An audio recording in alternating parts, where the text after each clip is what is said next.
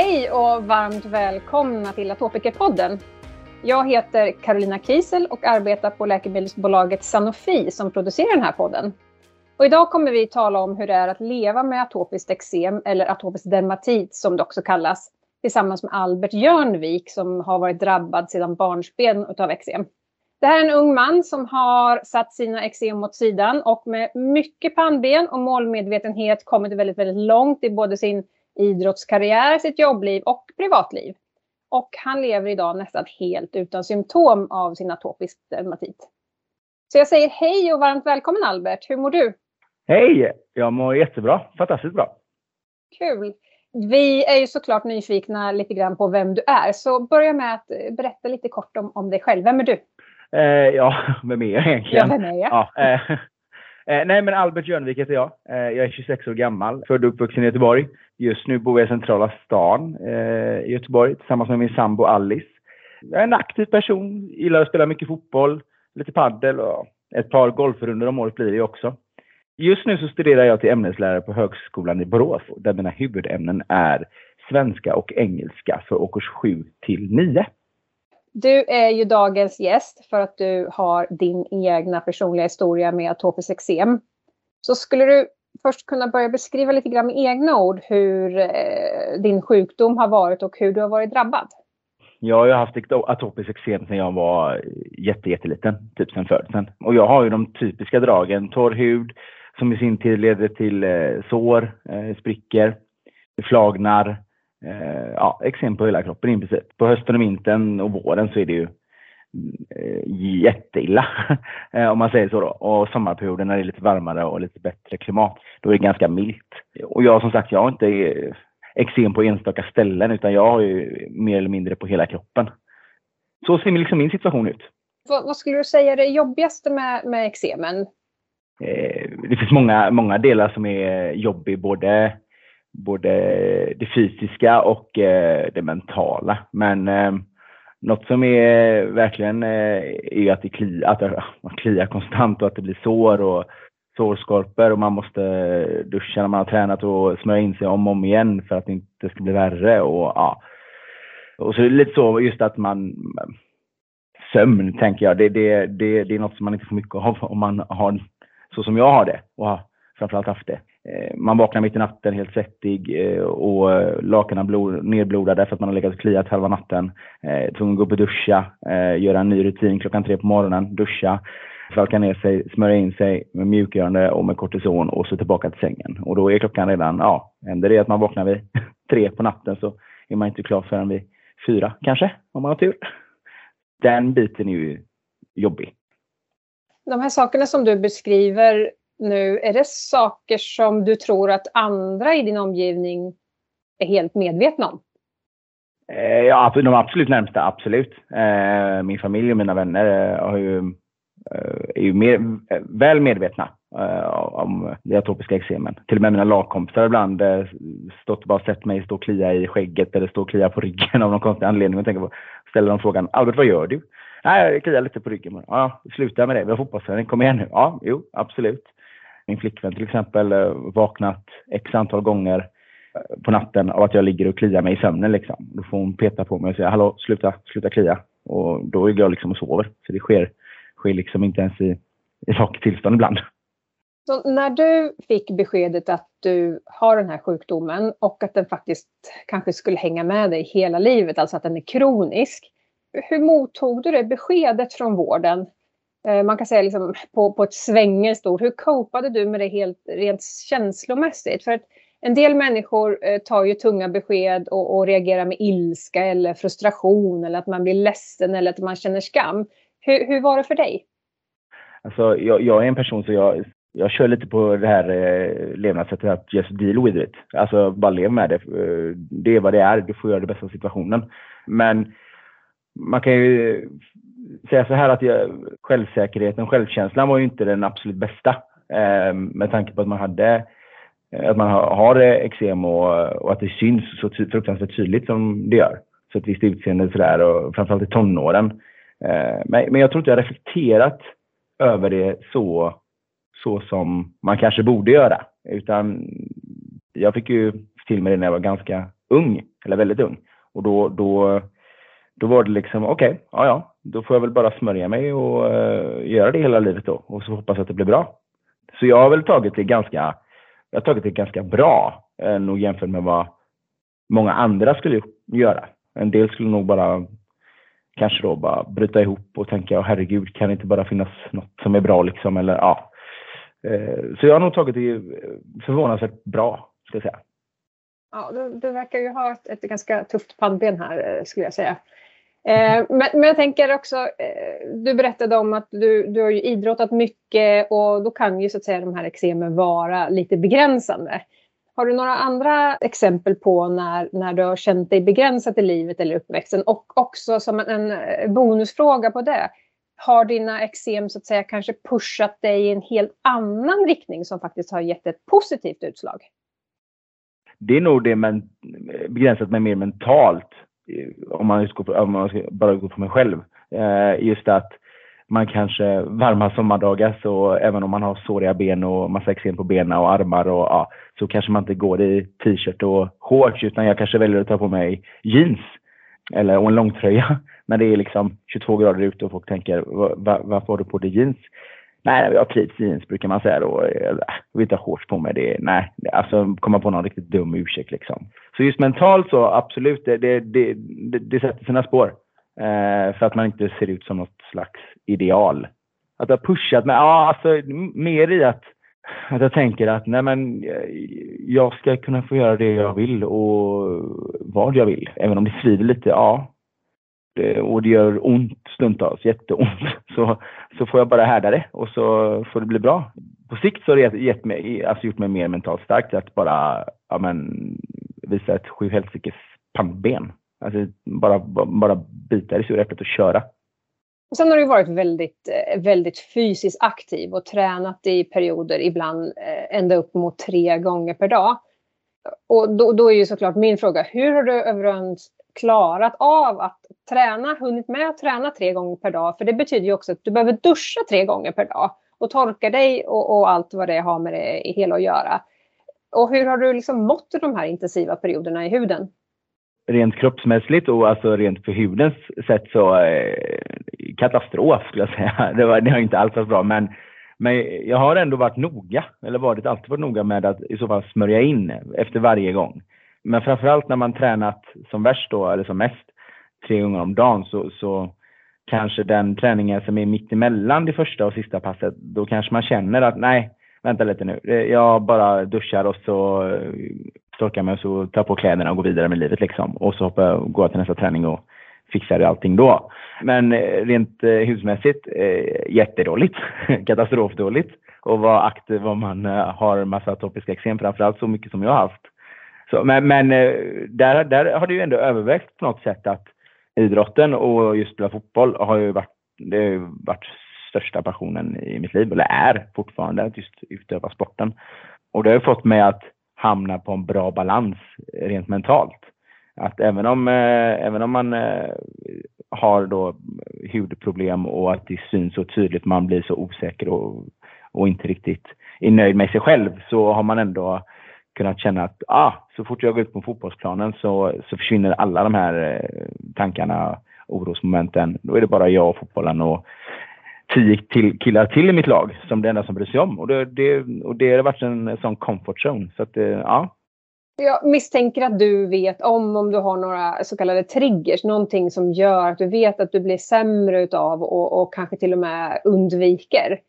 Dubbelfråga igen här då, då. Har du så att säga också andra saker som du vet gör liksom underverk med, med huden? Ja, kosten är ju eh, en sån grej som eh, är en jättetrigger. Dåliga kostvanor, det, det blommar ut direkt. Det, det blir inte alltid så bra för jag är en sån gotteråtta. Älskar, älskar fredags och lördagsgodis. Det är det bästa som finns. Även veckogodis nu då när man är lite äldre kan det förekomma.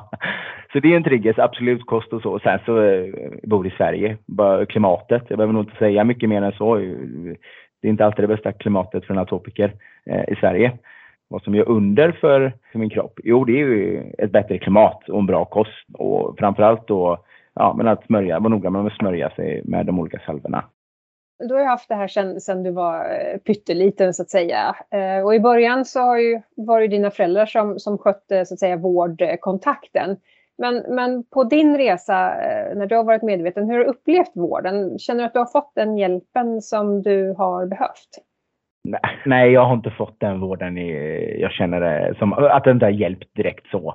Framförallt inte mellan tonåren där. Det, det, det har jag inte. Det har varit, eh, man har gått till vårdcentralen och man har visat sina, eh, ja, i mitt fall så får jag stora sår, alltså som, kan, som blir köttsår eh, för att huden spricker så mycket. Och eh, det enda man har fått höra är ja men du måste smörja in dig.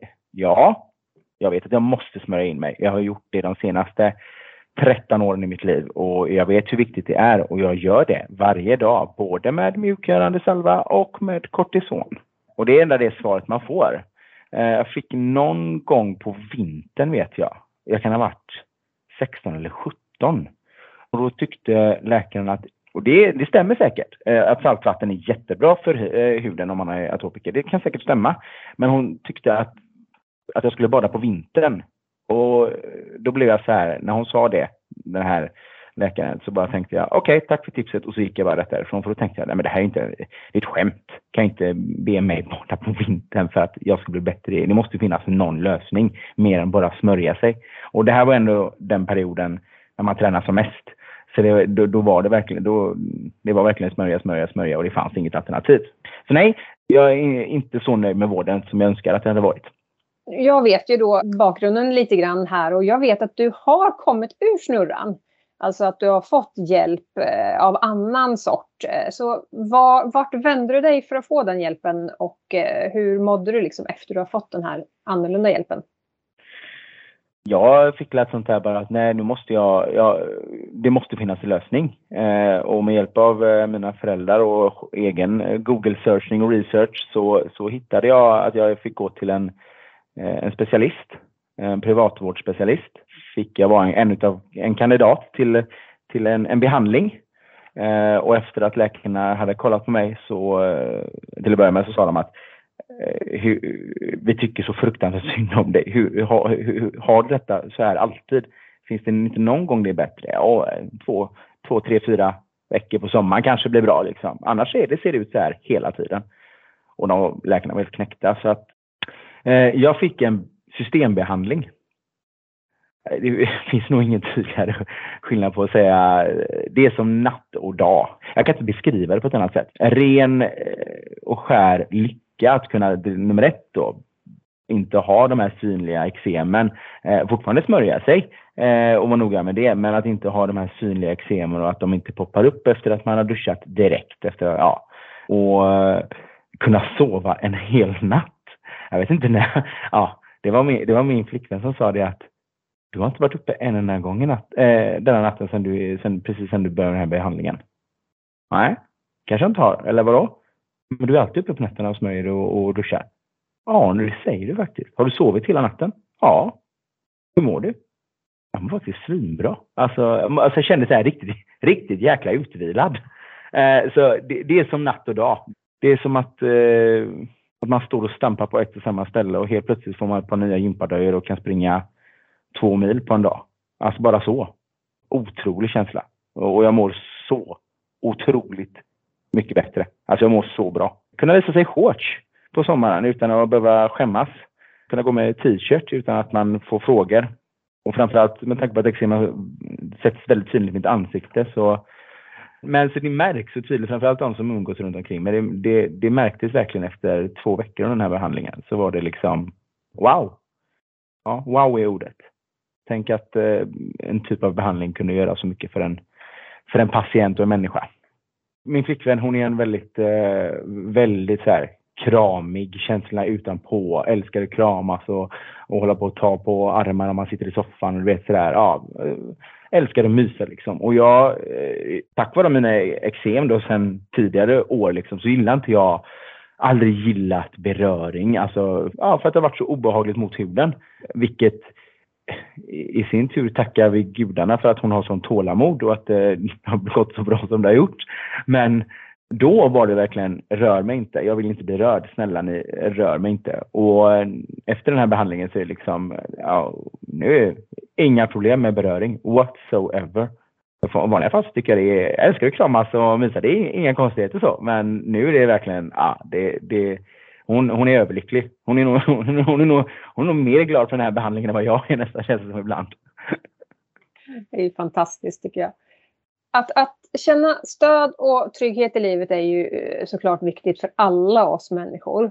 Men när, när man liksom har en, en riktigt jobbig sjukdom så är ju det här såklart ännu viktigare. Och, och, på din berättelse så vet jag att dina föräldrar har varit jättestödjande och de har varit pålästa och, och funnits där för dig så att säga. Men har du haft andra personer eller andra nätverk som har stöttat dig? Eh, för att dina föräldrar har ju inte alltid varit med dig så att säga. Vem har du vänt dig till förutom dina föräldrar? Internet. säga. Nej, nej men jag, jag har läst på lite olika forum med, med eh, patienter som har, som, har, eh, som, har, som har samma sjukdom eller liknande sjukdom eller liknande besvär. Men, ja, och, och läst om deras upplevelser och om de stämmer överens någorlunda med min. Liksom. Och det gör de ju. Ehm, Många mycket mildre och en del eh, ungefär likadant. Eh, någon har läst som har till och med varit ännu värre än vad min har varit. Så, så för, först och främst familj, sambo, vänner. Det är det liksom där jag hittat stöttningen. Och så eh, har man ju som sagt internet hjälpt till mycket. Och jag tänker att, att man överhuvudtaget kan ge dig den här supporten och stödet är ju också säkerligen för att du har kommunicerat hur du faktiskt har mått och när du har mått dåligt, eller hur? Ja, men precis. Mm. Alltså öppenhet. Och det kan relatera till jättemånga olika saker och olika sjukdomar. Att det, vissa saker är jättesvårt att prata om, men det är oerhört viktigt att få ut det man känner och få berätta för någon som man litar på hur man känner och hur man mår.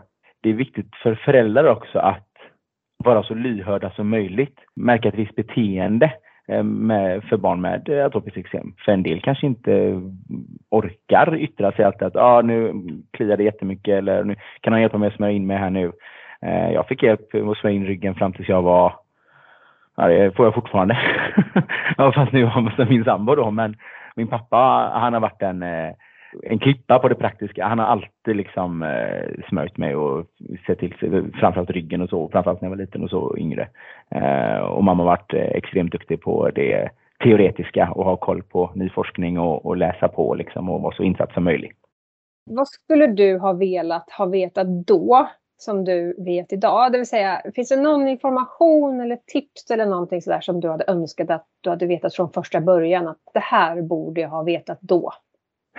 Ja, det skulle i så fall vara alternativa behandlingar. Genom åren så har man ju läst om att eh, det finns naturliga produkter. Man, man kan göra så att man kan eh, åka på en sån salt och solresa i fyra dagar för att verkligen behandla, behandla det. Extremt tydlighet med kost. Eh, nu har jag ändå varit så aktiv och just med fotboll och träning och sådana saker så att jag har alltid skött min kost.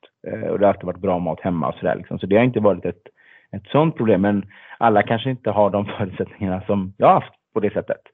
Och sen har jag en sista fråga till dig eh, Albert.